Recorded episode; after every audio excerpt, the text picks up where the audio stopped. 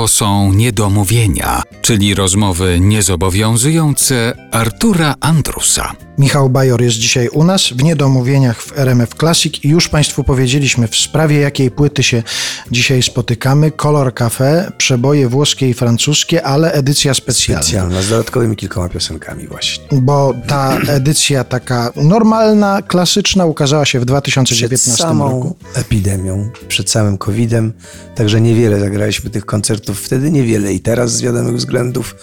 Ja powiedziałem, ja nie podejdę pod nową płytę, dopóki tej przynajmniej nie ośpiewam naprawdę przynajmniej w dużych miastach z dwa razy, w mniejszych po razie, czyli zawsze dwa lata podróżujemy, a tu okaże się, że przez gdzie będziemy z cztery podróżować. z Ale zdarzyło się już zaśpiewać przed tą przerwą, zdarzyło się zaśpiewać materiał z tej płyty już parę razy. Tak, tak, tak, tak, tak. Myśmy jesienią 2019 pośpiewali, zimą stało co się stało. Ja nie śpiewam prawie w grudniu ani w styczniu, bo nie śpiewam piosenek. y, Znaczy nie śpiewam kolęd jako takich, że mam nagrane płyty kolędowe.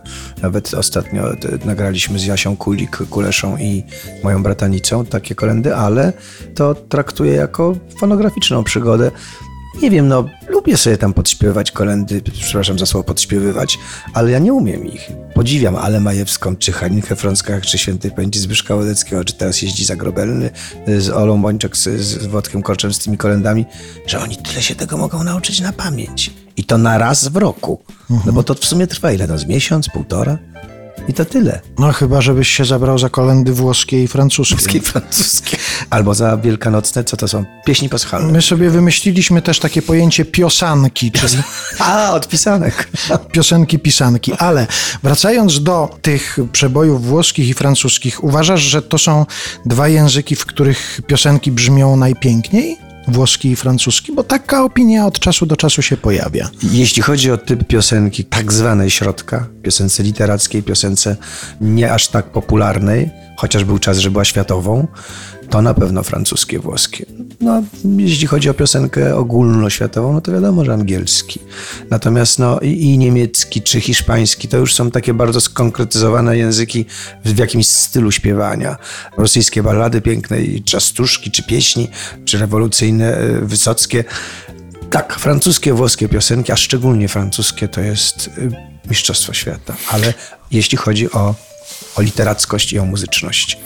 A ta muzyka z tamtych krajów w tym języku wzięła cię jeszcze zanim kiedykolwiek tam pojechałeś? Tak, tak, tak, tak, tak, tak, tak, tak, tak. Jak byłem dziesięciolatkiem, dwunastolatkiem, ustawiałem planszę Chińczyka w łazience, siadałem na sedesie, zamkniętym oczywiście, a na taborecie była plansza Chińczyka z pionkami i dwie kostki do rzucania, które posuwały te pionki do przodu, żeby dojść do mety.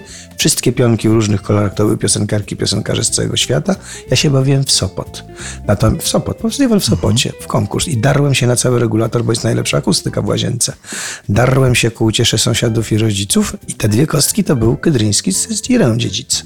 Oni zapowiadali, a ja w różnych zmyślanych przez siebie, oczywiście tam nie było nic z tych języków obcych, śpiewałem po francusku, włosku, niemiecku, hiszpańsku. Jeszcze się przedstawiałem, bo był i Michael Bajor, i był Michel Bajor, i był Michael Bajoro, i był Michał von Bajor, Michał Bajorowicz. Także było strasznie dużo różnych wykonawców. Zawsze wygrywał Polak. Zawsze. A, no to patriotycznie, Zawsze, absolutnie Tak. wygrał Polak albo Polka. Bo były różne konczyty baptisty, które śpiewały po hiszpańsku, także tam był tylko akcent taki. Ja zresztą na koncertach opieram, strasznie się publiczność cieszy, bo wsiadam do fortepianu i przypominam im tę anegdotę, zwracając oczywiście uwagę na to, że nie miałem w łazience fortepianu. Ale miałeś Chińczyka. Ale którego Chińczyka, mógłbyś- tak. A właśnie, a jakiś chiński zawodnik tam się pojawiał w tych A mogło festiwalach tak być, mogło tak być, bo ja tam tak zmyślałem. Dzisiaj jest strasznie trudno, będąc osłuchanym z racji wieku i obejrzanych filmów i, i różnych piosenek, zmyślić te- ten, ale jakoś chyba się udaje, bo się, bo się śmieją ludzie.